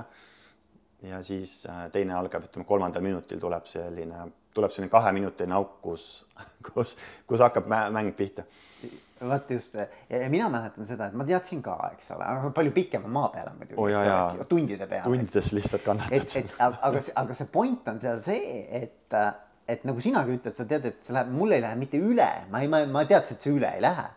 mida ma teadsin, et, et ta hakkab liikuma, saad aru, see valu hakkab liikuma ja mingis mõttes sa pead nagu sõbraks saama selle valuga. noh, mhm. võib-olla see on nagu palju öeldud sõbraks saada, aga sa pead sa pead endaga nagu, sa, sa hakkad selle valuga nagu rääkima. noh, kõlab natuke skisofreeniliselt, eks ole, aga mõnes mõttes sa nagu hakkad noh, sest et tõesti, ta tuleb nagu erinevatesse kohtadesse kehas sul, kui sa jooksed. ja, ja, ja siis äh, vahel läheb ära jälle, siis tuleb jälle tagasi, siis tuleb teise kohta ja, ja mingis mõttes sa tead, et, et keha ütleb kogu aeg sulle, et kuule, et see ei ole mõistlik, mida sa teed et see mm, -hmm. see tuleks ära lõpetada, see asi praegu on ju. absoluutselt, tema ju organ, organid on juba kõik äh, ülesandmise ääre peal, et. just, just ja aga, aga siis, aga, aga sina tead ise tegelikult, sa tead sisimas, et mm -hmm. sa saad hakkama, et sa saad võimeline, eks ole ja siis sa kogu aeg mõnes mõttes sul ongi nagu kaks pärdikut õla peal kogu aeg, et üks on see, kes ütleb, et lõpeta ära, mis jama see on, on ju, ja -hmm. teine on see, et, et tood mis mängib tagasi selle palli kogu no, aeg, et kuule, paneme edasi. No, ei, kuule ikka ei pane küll, no paneme ikka edasi. ja, ja ma arvan, et see ongi see noh, et, et kui palju sa suudad seda sisekõne niimoodi rääkida, kus jääb see pool peale, kes siis nii-öelda ütleb, et paneme edasi, et äh, et, et noh, et, et, ta ei saa, see, see teine pool ei suuda ära saboteerida seda. no tihti juhtub, on ka nii, et sa teed oma esimese sõidu või teed jooksu ära ja pärast saad aru, et ega ma tege-, noh, jube vara andsin, esimesed signaalid tulid, ma juba ja. andsin alla. et mis see nüüd siis oli, on ju. et noh, et no nagu järgmine sõit või järgmine jooks või pingutus, eks ole, mis sul tuleb, et äh, lähed vähe edasi äh,, jõuad kaugemale, saad aru, et aga ikkagi, ikkagi lõin nagu, jänes tuli ikka püksi ja lõin araks, et ma ei, ma ei julenud seal minna ja mis Rios oli, oli see, et et poole peal tavaliselt ei ole sellist asja, et teeme lõpusprindi laias laastus ja siis noh, see on nagu köiev edu, et kui noh, mis sa seal üksi seal vahel punnitad, kui kõik, kõik teevad koos, siis see asi liigub. siis on power, eks ole. jah, siis on power, siis tekib see sünergia, dünaamika ja siis tõnu.... resonants põhimõtteliselt, eks ole, füüsikas ja, nagu. just tekib teineteise võimendus ja siis Tõnu Õikas tuhandab, et, et lähme ära. noh, ja siis ma mõtlen nagu, mida perset. tuhande meetri parkime, lähme ära. aga selles mõttes, et kui tema ütles ja tema hakkas panema, ma ei saanud lasta tal üksi seal surra. kuule, okei okay,, kõik, lähme. saab, mis saab ja noh, ja viimased viissada meetrit surusid lihtsalt neid noh, neid tammepakke lihtsalt jalatugedele, et et olid juba täiesti, täiesti tükis seal mm. -hmm. ja vaatad kõrvale, et, et, et nad ei, nad ei, nad ei saa, nad ei saa mitte ära püüda, et noh, et see pronks peab ära tulema, siit enam alla ei anna, nagu tegelikult on veerand distantsi minna ja ja, ja selline julge otsus, äh, selline sildu põletav otsus äh, ongi see, mis tegelikult aitab sul tuua selle maksimumi välja, et, et noh, sa suudad sealt ka lõpuni minna, noh, see võib olla nii, et tuhande pealt lähme ära, teed kakskümmend tõmmet ja laguneb täitsa ära, et läksime liiga vara, kukkusime täielikult. Ähm, no näiteks ju, kui sa vaatad jalgratta need mäeetappe, eks ole, siis seal on näha selgelt, et kas sa läheb, vend läheb lõpuni või ta kukub ära, kui ära mm -hmm. kukub, noh siis on. kõik taast, seisab see, seisab ja see taastumine on nii pikk, et ta ei suuda ära taastuda ja no vaata, aga mõned taastuvad, kusjuures lähevad siis uuesti jälle et nagu, et see on ka, ma arvan, treenituse ja noh, ma ei tea, mis tase see veel on, eks ole, et sa suudad mäe peal veel ära taastada ja uuesti panna, eks ole. ja ei, see, see tippspordi ladvik on läinud hästi ühtlaseks, outsiderid enam ei ole. et iga, igaüks on leidmas seda momenti, kus ta saab ennast nagu ära realiseerida, et see just Kangertiga ka käime siin ratast sõitmas Pärnus ja tema ütleb ka, et ta vaatab täna ikkagi seda tipprattasporti ja uh, kui hea meel, et ma seal enam olema ei pea, et see on läinud, mille pealt, millist klassi näidatakse, et noored vennad tulevad, näitavad nii selliseid numbreid, mismoodi täpselt ei tea. aga alati külje pealt tundub, vaata tippsport, sellepärast ongi tippsport, külje pealt tundub ühe inimese ühe spetsiifilise distsipliini nagu noh, maailma parim aeg tundub ebareaalne. Maailma parim maratoni jooksuaeg, vaat noh, ma ei jookse neljasaja meetrise distan-, ringi peagi umbes nii kiiresti, et ja mina ka ei jookse ja, ja, ja. et äh, ja noh, teatud kuju, parim talent teatud viisil treenides leiab selle ökonoomsuse sellisel kiirusel. ja see on ka olemas, et kahe tunniga maratoni joosta, see on ikka müst-, täielik müstika minu jaoks, täielik müstika. Jah, see ongi müstika, see on, see on, see on lihtsalt, et äh, vaata sul, kui sa telekast vaatad neid vendi, kuidas nad jooksevad, eks ole, siis sa ei saa aru sellest kiirusest. aga kui sa raja kõrval oled, siis sa saad aru, missuguse kiirusega tegelikult nad jooksevad kogu aeg. et püüa kasvõi natukenegi neil, noh, sa, sa ei suuda, mina vähemalt ei suuda isegi mingi paarisada meetrit joosta selle kiirusega, ma arvan. et äh, see on ikkagi nagu väga-väga hull. ja mis ma võib-olla lisaks, et äh, kui ma kirjeldan seda, et sa teed selle nii-öelda noh, inglise keeles bold on ja selline nagu ju- julm külma kõhuga otsus mingi distants, et, ma nüüd lähen, et noh, see, see ja see jätab mulje, et see on selline hooletu otsus, aga tegelikult on äh, sa ikkagi mingil määral adud, milleks minu meeskond võimeline on. et, et sa ei saa olümpiafinaalis äh, noh, võib-olla labaselt mingisugust ri-, võtad riski, aga kaalutletud risk peab olema, et, et et üks huvitav raamat, mis ma praegu loen, kus nad äh, statistiliselt võtavad välja siis äh, on teinud kõvat statistikat ettevõtetes, kes on nagu 10x-ers ehk siis nagu kümme ja, ja kordades rohkem on tootnud kasumit ja mi, kuidas neid juhte iseloomustada, siis on nii-öelda müüdid, mida nad on kallutanud. üks müüt on siis see, et, et need ettevõtete juhid on olnud nii-öelda siis äh, ongi nii-öelda bold decisions ehk nad teevad selliseid äh, radikaalseid otsuseid, julmasid otsuseid, äh, kriiti-, kriit-, riskantseid otsuseid, siis tegelikult statistika ei toeta seda üldse, nad teevad absoluutselt rahulikke otsuseid, aga nad teevad selle pealt, nad on uurinud hästi palju nii-öelda datat, mis toimib, mida on hetkel vaja teha. Nad ei arvesta sellega, mida teised teevad, nad vaatavad lihtsalt puhast äh, sellist statistikat, mida on mõistlik teha. Või siis samamoodi on siis seal üks müüt on, et, et hästi innovaatiline peab kogu aeg olema. ega innovaatilisus iseenesest, ka spordis mõtleme, et oo, mis need uuemad praktikad on, et hakkame kõiki kasutama. ega innovaatilisus iseenesest mingi uuem tehnoloogia ei arenda sind. et peab olema tasakaalus sellega, et kus ma sellest efekti saan mm. -hmm. või noh, et see oli päris huvitavaid selliseid müüte ja mulle väga jah meeldis see, et ei ole vaja teha lihtsalt rumalaid äh, riskialteid otsuseid, vaid pigem võimalikult palju koguda datat ja siis saada aru, et kas see muutus toimib nagu. Nii-öelda või, või öeldakse, et maailm muutub nii kiiresti, kui sa nüüd kohe otsuseid kaasa ei, kui sa ka ei muuda oma struktuuri või juhtimist, siis sa jääd juba maha. Mm.. statistika näitab, et absoluutselt mitte, et sa, sa ei saa iga muutusega kaasa minna, et kui väline muutub, las ta muutub, sinu organisatsiooni siseselt on mingi struktuurid paigas, mis, mis on paigas. et seal ei maksa sul kõiki kogu aeg segi peksta, et tihti vaatame, et riigiasutused reformivad sellise tempoga, et töötaja ei saa nagu midagi enam aru, et, et jälle mingi muutus, et ma just harjusin vanaga, et kas see oli vajalik. noh, seal on see jällegi vaja koguda võimalikult palju datat, et see otsus oleks nagu efektiivne, et, et, et spordis sama.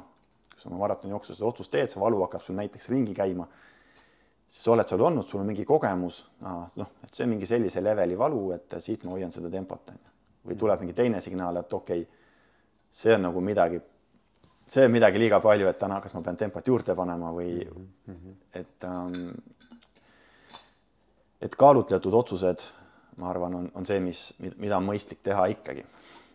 kuidas neid saavutada, eks ole, siis kogemused, kogemused, kogemused, öeldakse, et noh, ise mõtled ka sõudmises, et kogemusega teed ära, noh, et mingis võtmes küll, aga sõudmises spordina kui sul ei ole seda füüsilist võimekust, siis ükskõik kui kogenud sa oled, siis ega sa aeru sul kiiremini ei tõmba, et ja, ja arusaadav, et kõik peab olema jah, jah. aga, aga ütleme niimoodi, et need, et kui nagu mõelda selle peale, et, et, et kui sa suudad ennast tagasi viia, noh, sa oled üle kahekümne aasta sõudmisega tegelenud, eks ole mm, -hmm. viid tagasi ennast nii-öelda sinna, ma ei tea, kas päris algusesse, aga no ütleme sinna, kus sa juba tundsid, et noh, nüüd noh, juba olen juba tegija, eks ole, enam-vähem, eks ole noh, Eesti, Eesti mõistes vähemalt, eks. et siis äh, mida sa nagu nõuandena endale annaksid täna? noh, et kui sa suudad nagu täna vaadata tagasi, eks ole mm, -hmm. et noh, kakskümmend aastat on mööda läinud, et mida ma siis te-, mida, no sa ütlesid ka, et kui ma oleks siis suutnud oma komplekti kokku panna, et siis ma oleks juba siis paremaid tulemusi saavutanud, eks ju. aga mida mi,, mida nagu anda nagu nõuandena, ega need, kes täna võib-olla kuulavad, eks ole, ma ei tea, ükskõik mis spordis, äris mida iganes nad teevad, et noh, et, et, et, et äkki on midagi siit kõrva taha panna see on väga hea küsimus ja ma olen selle peale päris palju viimased kolm-neli-viis aastat mõelnud. ja esimene mõte, mis, mida ma julgen välja öelda, on see, et nii koolis, trennis, tööl inimesed väga tihti töötavad nii-öelda ülemusele, õpetajale, treenerile. ja see, kui see switch meil toimus nii-öelda noh, ka peatreeneri vahetusega, kus vastutus mängiti sportlasele yeah. ehk siis tööd ettevõttes, sa mängid ka vastutuse ja sellega annad ka usalduse, sellega annad sa need, äh, mis on need enesemääramisteooria alused, eks ole, annad kompetentsi, äh, autonoomsuse ja seotuse annad sportlasele.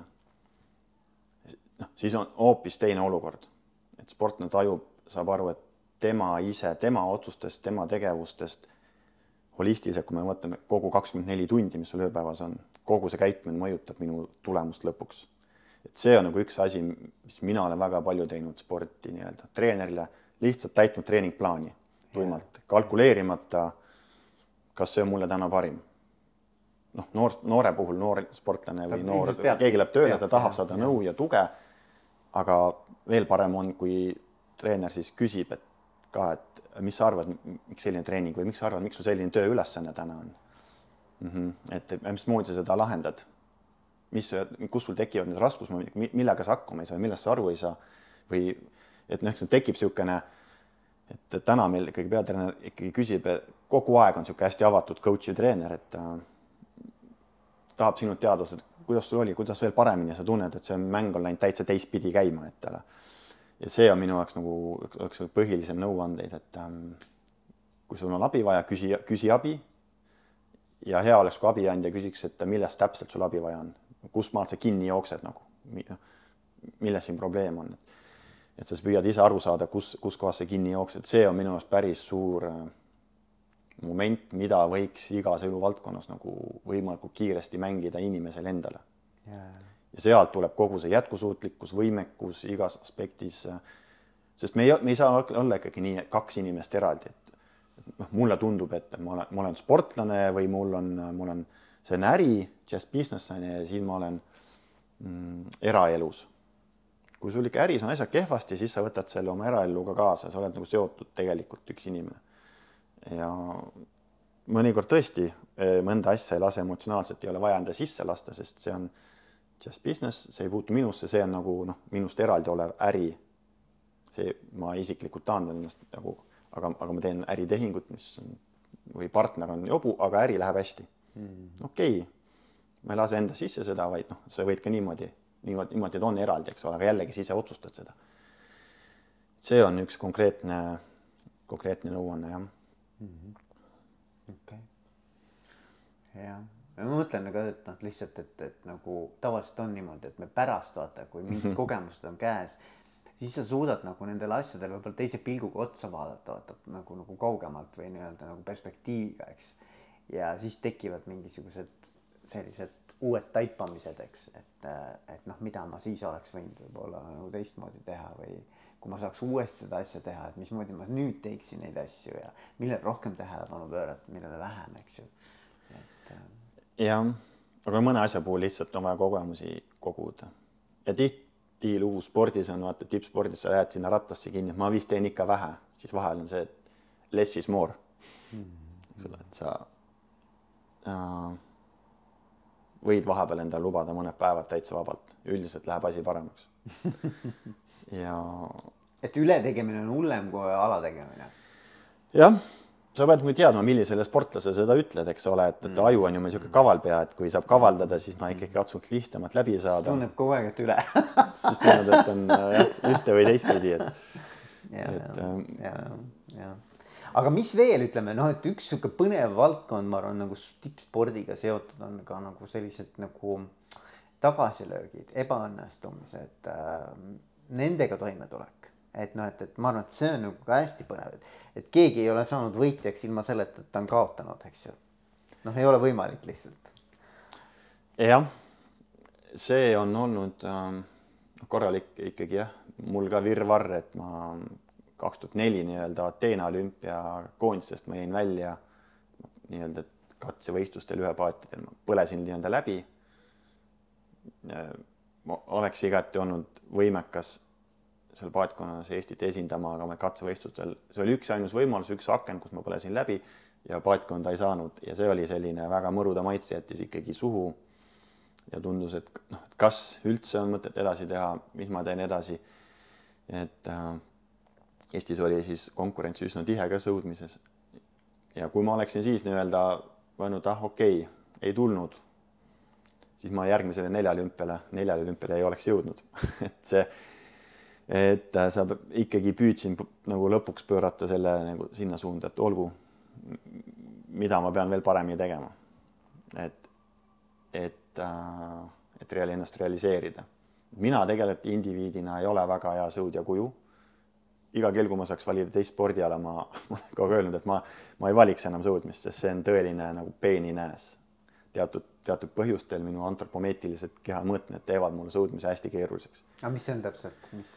Mul on hästi pikk keha võrreldes jalgadega, mis tähendab, et see toob kasa, tasakaalupunkti hästi kõrgele ja vee peal on see, äh, tekitab, see on kaks asja, tasakaal on kehva, mis tähendab, et hästi keeruline on jõudu realiseerida ja teine pool on see, et et need jõunurgad lähevad ebaefektiivseks, et kasutada jalgade jõudu on keerulisem, et, et see kanduks üle paadi edasiliikumisse ah,.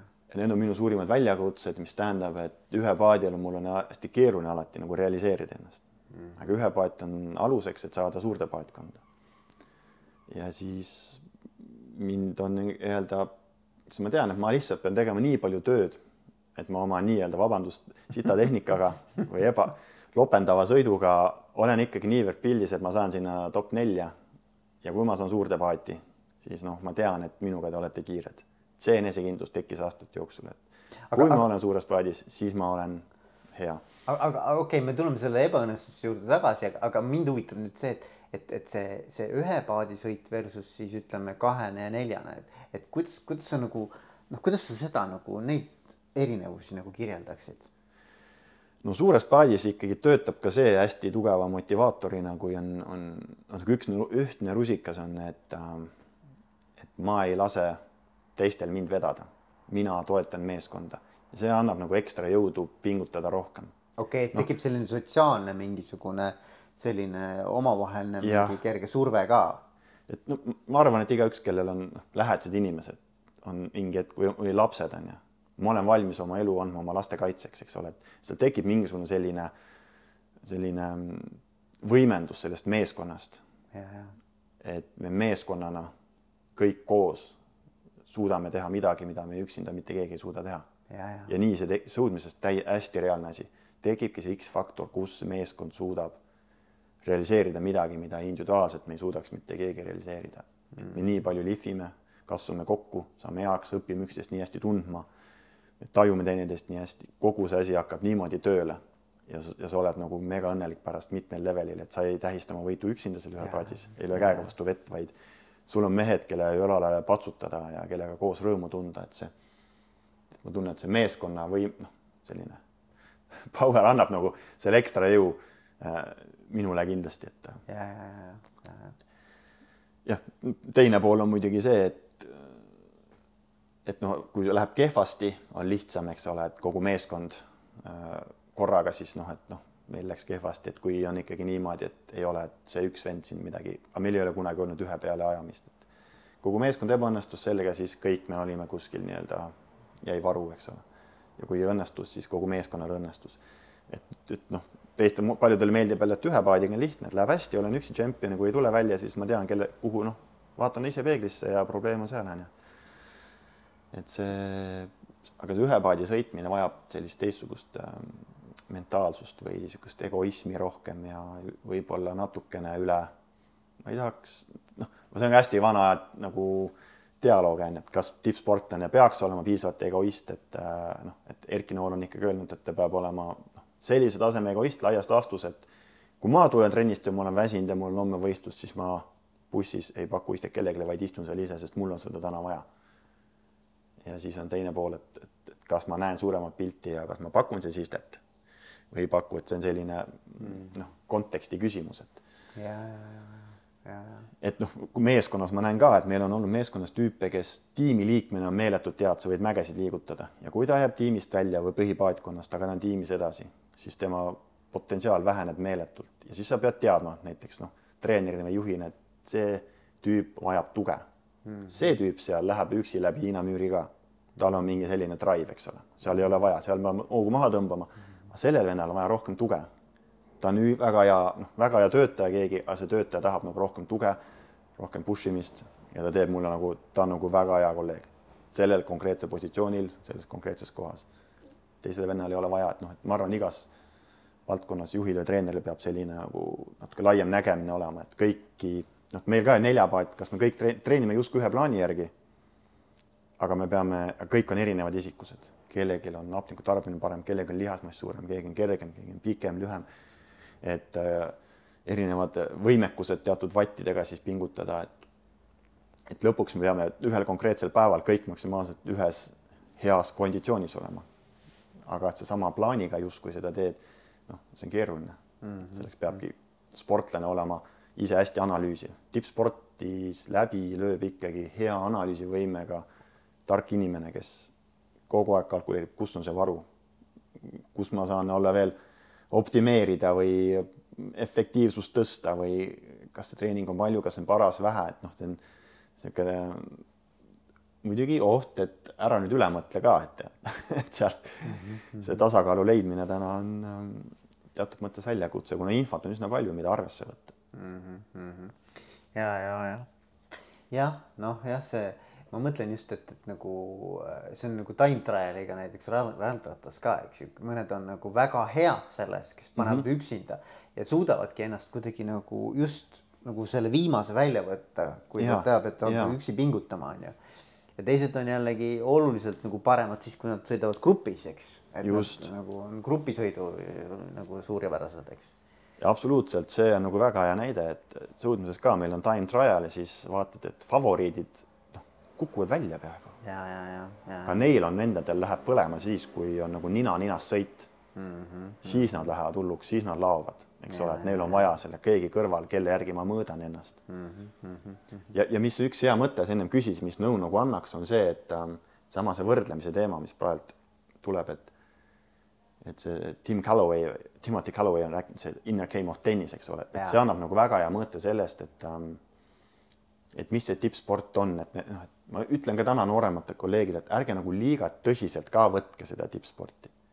võtke seda selle võtmega, et sa tahad teada, kui heaks sina võid saada maailma parimatega võrreldes selles mm. mõttes, et et, et noh, sinu see, see ongi inner game tegelikult lõpuks samas see sisemine kõne, kui palju ma suudan ennast suruda, push ida, tehniliselt hoida oma tööd koos, kesk, hoida fookust olulistele asjadele, hoida fookust olulistele asjadele, kogu aeg, see on ülikeeruline, sest mõtted tulevad vahele. Kuidas sa suudad sealt nagu tõmmata stopp-märgi vahele ja jälle fookus sinna, mis mind hetkel praegult aitab.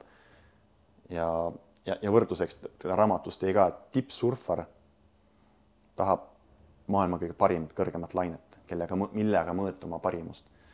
Kui hea ma olen, et ta ei saa võrrelda teiste surfaritega, vaid noh, või väiksemate lainetega, see ei paku talle väljakutset, tahab valida kõige suuremat lainet, kas ma sellega sõidan ära? Ja sama on tippsport, et ole, et et noh, sõudmine eriti, kus meil kontaktala ei ole, põhimõtteliselt ploti peal viskad teistele vendadele käppa, et okei okay,, olümpiafinaal, lähme siis nagu, lähme vanema, et edu teile ja et, et selline hea suhe ja siis sa lähed oma fookusesse oma asja tegema ja pärast kurat jube vinge andmine oli, et nagu megalt surusime nina hinas lõpuni, et noh, kes siis täna jäi peale, eks ole mm. -hmm. muidugi society ümberringi ütleb, et, et kui me noh, et me, et noh, hakkame tennist koos mängima eesmärgiga, et lihtsalt liigutada, teha sporti. Hakkame mängima tennist, käime kaks korda nädalas mängimas. üks hetk hakkab keegi meist võitma näiteks, läheb paremaks. üks hetk me teeme mängime ja mingi publik on äh, tribüünil, plaksutab kaasa, sina võidad. ja siis äh, ja pärast vastutatakse sulle rohkem õlale ja sa justkui oled nagu peale mängu rohkem väärt kui enne mängu. et noh, seal hakkab mingisugune ja siis sina ah tahaks veel paremaks ja siis tegelikult lõpuks eesmärk see, et me hakkame mingit harrastajatena tegema nii-öelda tippsporti, mida paljud teevad. et noh, ja eesmärk juba muutus. ja siis lõpuks ja. lõpeb sellega, et noh, tegelikult tippu sa ei jõua ja oled nagu vigastunud, et saad vigastuse näiteks või et, et, et lihtsalt punnid üle selle kohta, et sa lähed nagu valesse raami, eks ole, et aga põhjus on see, et Sajet ütleb sulle, et sa oled siis parem, kui sa rohkem võidad mm.. ja siis see sind drive ib nii-öelda kuhugi eesmärgi poole, kuhu sa tegelikult ei tahtnud, sa tahtsid lihtsalt pingevabalt ilma hinnanguteta mängida kuttidega tennist. Et, et noh, sellised kõrvalt sisse sõitvad mõjutajad võivad päris palju sportlase resultaati mõjutada, et noh, et kui olümpiafinaal, kogu Eesti, noh, treener, kogu Eesti ootab noh, kuidas see mind praegult kaasa aitab? mismoodi ei aita, onju. sõidad ja mõtled ka, ma vean nüüd Eestit alt, noh, sa ei tegele sellega, mis mind paadis kiiremini aitab mm. -hmm. mis ma sponsoritele ütlen mm? -hmm. ema-isa on petnud, treener on nagu hoiab peas kinni, eks ole. No see hetk sa ei tegele sellega, mis sind paadis kiiremini edasi aitab, miks juba on see paat nii kaugel ees, ma peaks tast ise eespool olema.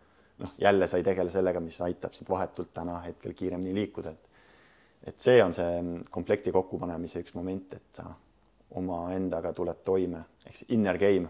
nojah, see on jah, et vaata nii palju on erinevaid nii-öelda teemasid, mis su sisse sõidavad, eks ju, ja mille pealt sa võid nagu lasta ennast segada. ja, ja et noh, mulle just meeldib see stoitsism on ka, vaata, ma ei tea, kui palju sa stoitsismiga oled nagu nemad, nende, nende filosoofia on siis see, et mida ma saan mõjutada, eks ju ja keskendu ainult sellele, mida ma saan mõjutada, eks ju. ja ma saan mõjutada, eks ju, mida mina ise teen, minu käitumine, eks mm. -hmm. ma saan mõjutada oma mõtteid mm -hmm. ja oma emotsioone, eks mm. -hmm. et, et see, mis nagu ümberringi toimub, ma ei tea, mis ilm on, mis, äh, ma ei tea, kui, kui heas vormis konkurendid on, ma ei saa mõjutada seda, eks ole. et aga see on kõik see, mis meid võib segama hakata või need ootused. ma ei saa, ma ei, ma, ma, ma, ma ei saa kontrollida seda, mida minult oodatakse, eks ole. jah no selles mõttes, et, et vähemalt mul ei ole mõtet sellele oma energiat panna, et keskendu sellele, mida ma saan praegu sel hetkel just praegu oma paremaks nii-öelda vormi viimiseks teha. no tihti nagu ka naeruvääristatakse seda vastust äh, küsimusele, et äh, kui sportlaselt küsitakse, et äh, mis, mis mõtetega võistlustele lähed. no ma lähen enda parimat andma. noh, tegelikult noh, see ongi maksimaalselt õige vastus mm. -hmm. kui sa päriselt lähedki oma parimat andma ja sa oma, oma parimat lähedki tegema. oot, miks sa ei julge ütle välja, et sa võitma lähed? no sest see ei sõltu ju minust. See ei sõltu minust, kas ma võidan või mitte. kui ma annan oma parima ja ma olen teine, noh, siis, siis ma tegingi oma parima, ma noh, ma ei saa üle oma varju hüpata, sest et kui konkurent on kiirem täna, siis ta lihtsalt, ma ei saa mõjutada konkurentsi sooritust. ja, ja aga minu arust see on hea point, vaata nüüd ongi, nüüd me jõuame tagasi ringiga sinna, kuidas tulla toime tagasilöökidega mm. -hmm. sest noh, mulle endale tundub, et see ongi üks viis, üks küpse viis, kuidas nagu toime tulla, et küsimus on ju selles, et kas mina endast andsin kõik mm. -hmm. et noh, mitte okei okay,, loomulikult ma, ma andsin sellepärast, et tulemust koju tuua, aga mm. -hmm ma saan mõjutada ainult seda, kui palju ma endast välja andsin, eks ju, ja kui palju ma trenni tegin, mis vormi ma endast enne me ajasime edasi, eks ju mm. -hmm. ja nüüd on küsimus, et kui ma enne käest küsin pärast iga võistlust, et kas mina andsin endast sada kümme protsenti, noh, sada protsenti, okei okay,, sada kümme. kui mu vastus on jah, siis tegelikult noh, ma arvan, et see on piisav selleks, et öelda, et ma ikkagi õnnestusin. on ju tegelikult või, või, või ma ei tea, kuidas, kuidas sina võtad seda no siin, siin tuleb jah, paar levelit isegi veel juurde, et see on absoluutselt õige, et kui ma nii-öelda teen after action review või teen sõiduanalüüsi, noh, olgu öeldud, et inimene ei õpi kogemusest iseenesest, ta õpib kogemusest siis, kui sa kogemust analüüsid, eks ole. ja, ja. ja, ja kui sa analüüsid oma sõitu või võistlusseeriat, sa vaatad, noh, et okei okay,, it is what it is, me tegime oma parima, et selles mõttes meil täna ei olnud nagu üldiselt ei olnud seda võimu, et juurde panna, aga me ülejäänud elemendid täitsime ära, mis meie kasutuses olid, eks ole, et trotsisime ilma või tuult või, või muid olusid, on ju, et, et ja siis ei kripelda sul midagi. siis sa saad küsida, et mis edasi, kus ja. me saame paremini. ja mis mõte mul sellega tekkis, teine, teine level veel alguses, et äh, kuidas meil see mõte siin läks? sa ütlesid jah, et, et sellele nii-öelda mm, iseenda no ütleme nagu ah, pildi. nüüd tuligi meelde just, et äh, kui me paneme nii-öelda nagu veits nagu fixed mindset, et kui ma saavutan olümp-, noh, ütleme, et kaheksa aasta pärast olümpiamängud, seal mul on kuldmedal eesmärk. Ja see on, et siis ma võin olla õnnelik, siis ma võin olla rahul, kui ma saavutan mm. selle kuldmedali. su aju arvab, et siis ma võin olla õnnelik mm. -hmm. et nii kaua ma teen tööd, ma rassin, ma pingutan ja ma lihtsalt noh, et sa võtad selle äh, nagu naudingu sellest protsessist välja kõige selle hea ja halvaga, vaid kogu aeg nii-öelda niisugune must töö, et sa lihtsalt ei saa nautida enne, kui mul eesmärk on saavutanud. ja siis ja ütleme, et sa saavutadki selle kuldmedali. mis juhtub? Mis juhtub siis, kui sa lähed ostad uue auto endale, kui sa sööd esindusest välja, sa arvad, et siis ma olen õnnelikum, eks ole.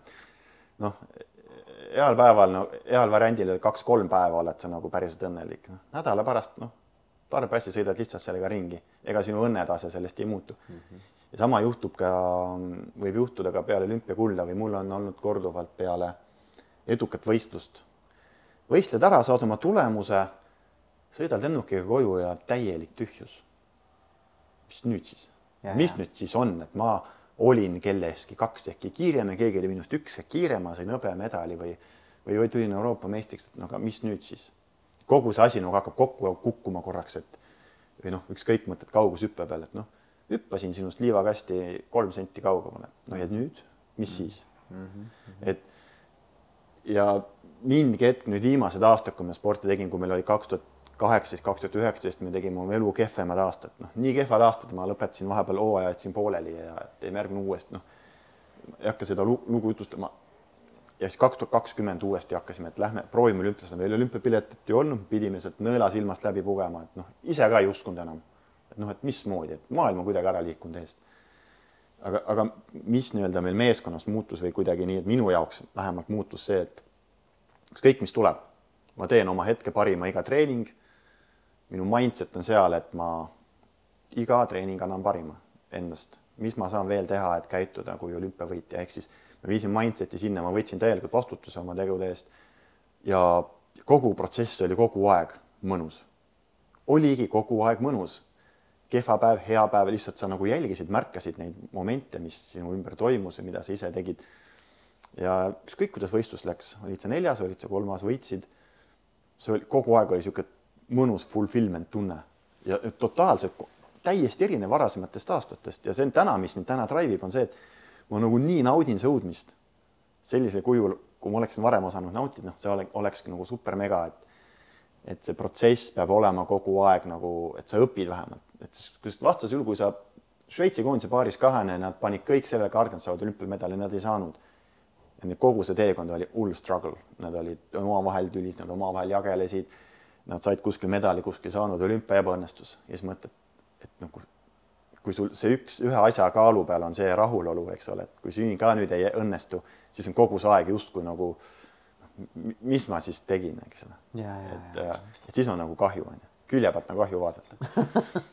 Aga, aga see on minu arvates väga super, mida sa praegu räägid, on ju, või noh, mida sa just ütlesid, et, et, et nagu vaata, et, et ma täiesti saan sellest aru, et, et inimesed vaata räägivad ka nii, et kui mul lapsed suureks kasvavad, kui, kui mu noh, kui mul on pensionär, eks ole, siis ma teen vot neid, neid asju või ütleme, ütleme, ma ei tea, et ma, ma, ma teen karjääris sinnamaani ära, siis ma võin, luban endal vot seda, seda, seda.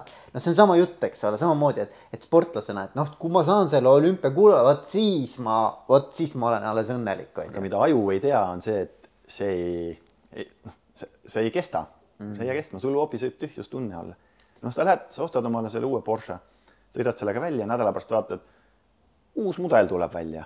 ja, ja, ja, ja, ja. jälle tuleb uus mudel, kuule veel võimsama, veel parem auto saab, et noh, et ja. sa jäädki taga ajama mingisugust asja, mis sa arvad, et see teeb sind õnnelikuks mm. -hmm. ja, ja ma arvan, et see probleem on väga paljudel inimestel, kes noh, kes on tegelikult edukad täna, aga no midagi on puudu, midagi nagu noh, kuskilt nagu ikkagi on tühjus veel sees, et, et, et et ja siis ongi see mõtestamise koht, eks ole, et noh, et mida sa siis päriselt tahad, mis asi on see nagu noh, meaningful on, et mida täna tahetakse eh,. eriti nooremad generatsioonid, nad tahavad nagu mõtestatust näha igal pool ja mis nagu ongi õige. aga see on teine küsimus, kas noh, võib, ma ei tea, ma ei oska, kas sa oskad kommenteerida, kas see sissepaneku võimekus on sama, ehk siis ma olen valmis ka deliberate practice'it tegema, et see järjekindel pidev töö et jõuda edasi, et jõuda edasi, et jõuda edasi. mulle meeldis see, mis sa ütlesid, sa ütlesid nagu seda, et ma naudin igat treeningut, vaata.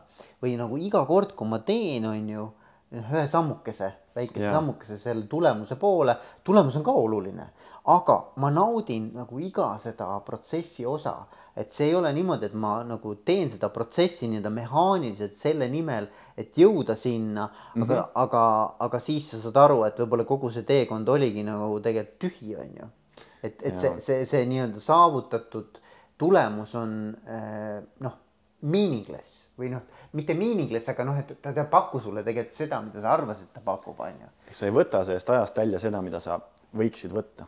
ma võin öelda, et ma, ma olen täna õnnelik, ma olen tõesti, ma, ma taipan neid hetki, kus ma olen nagu rahul, mul on elu on nagu, et, et ähm, sellises positsioonis, kus ma saan, mul on see, noh, ma olen nii tänulik, et see privileeg, mida Eesti riik võimaldab tippsportlasena tippsporti teha, noh, kui sul on tulemus, sa saad mingisuguse palga, ma ei ütle, et see selles olümpiakategooria palgavõtmes on see konkurentsivõimeline, Eestis ei ole, aga aga see on parem süsteem kui paljudes teistes riikides ja see laseb mul seda teha. Ja see on, see laseb mul seda sporti sellisel kujul nautida ja kui sa naudid protsessi, siis on sul seal see energia taga. see drive ib, see energia, see self-motivation on nii tähtis, mis, mis ma tajusin, et selle EBS-i selle executive coaching'u õppes, et mul oli, ma tahtsin sellest teha oma karjääri. Ja see iseenesest motivatsioon on nii tugev seda õppida.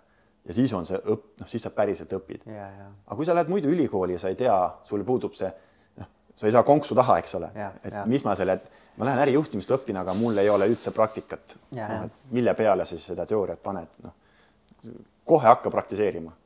basseini kõrval ujuma ei õpi, eks ole mm., ükskõik kui palju sa loed õpikuid või vaatad pealt, noh, hakka, hakka pihta, eks ole, millegagi, et see on, see on, täna ma olen küll heas kohas, et ma sellisel kujul saan maksimaalselt hästi ennast realiseerida spordis ja muus elus nii-öelda oma seda transformatsiooni elukutse vaates nagu ka teha. aga mul on ülihea olnud nagu sind tundma õppida ja, ja rääkida sinuga ja, ja noh, on tunda nagu seda, et sa tood ka hästi palju igasuguseid näiteid ja mida sa lugenud, noh, et hästi suur lugemus ja, ja et sul on huvi nagu nende asjade arusaamisel, nagu sa ütlesid ka, et no inimene on nii põnev, eks ole noh, kõik need, mis see oli, see bio. Mikrobioom. mikrobioom, vot sellest me peame veel eraldi kunagi rääkima, mikrobiomist, aga, aga see ühesõnaga, et mul, mul on hea näha, et äh, kuidas äh, sa oled elav nagu. mul on oled... tegelikult, jäi autosse, see üks äh, kiudaine segu, et Eestis on niisugune ettevõte nagu Elsavi, mis on siis ta, ta, Tallinna Ülikooli teadlaste poolt välja töötatud mikrobiomi testid, ehk siis selle mikrobiomi toetamiseks peaks olema palju kiudained, ehk siis pärast ma sulle väikse briifi teen, et Väga ma, ma olen ise sellest nagu noh, nii müüdud sinna. ja, ei, ei, ma täiesti usun seda, et keha ja, ja vaim ja kõik ja mm -hmm. heaolu on omavahel seotud, nii et äh,. aga ma soovin sulle edu, ma ei tea, mis sul tule, ütleme niimoodi, kui sa peaksid nüüd ütlema viie aasta perspektiivis, kui me saame kokku sinuga, ma ei tea, on see siis kaks tuhat kakskümmend kaheksa. Mhm. mis siis sinu elus toimub, Allar? Ma võiksin seda näha nii, et ma suudan pakkuda väärtust. ma olen kindel, et ma suudan pakkuda väärtust üks-ühele coaching us. ma suudan pakkuda nii-öelda high achiever itele spordivõtmes nii-öelda kogemusmentorlust. aidata neil nii-öelda partnerina siis liikuda edasi nende eesmärkide poole. ja ettevõtte vaates on, on seesama, mis see empowerment'i tiim nii-öelda üles ehitab on ka see, et on äh, meeskonna treening ehk siis spordi tippmeeskonna need punktid, mis on vaja ära täita, on tegelikult sama ka ettevõttes, sama punktid, sest et, et ettevõtet juhivad ja tegevusi teevad inimesed ikkagi lõpuks, eks ole. ai tuleb ka appi, aga inimene peab ikkagi seda ai saadud infot nagu realiseerima nagu päriselt kuskil, et et ma olen hea partner nii juhile, sinule kui ka juhtmeeskonnale, et ähm, et, et ma püüan panna veel teadmisi juurde, kogemusi mõtestada. Äh, täna veel kindlasti kogun kogemusi, et ettevõtte ja ärimaailma struktuuridest ja käikudest paremini aru saada. et see on kindlasti koht, kus on võimalik juurde võtta, noh, kus tasub siis ujuda, eks ole, et, et saada ja, ja. peale krooli veel mõned tehnikad selgeks. aga igal juhul, Allar, mul on hea meel, et me saime kokku, et me rääkisime ja ma soovin, et kõik su unistused saaks teoks nii spordis kui ka mujal maailmas. Aitäh sulle, Veiko, väga, sattusin õhinasse sinuga vesteldes. Väga äge, väga äge, aitäh sulle! Ja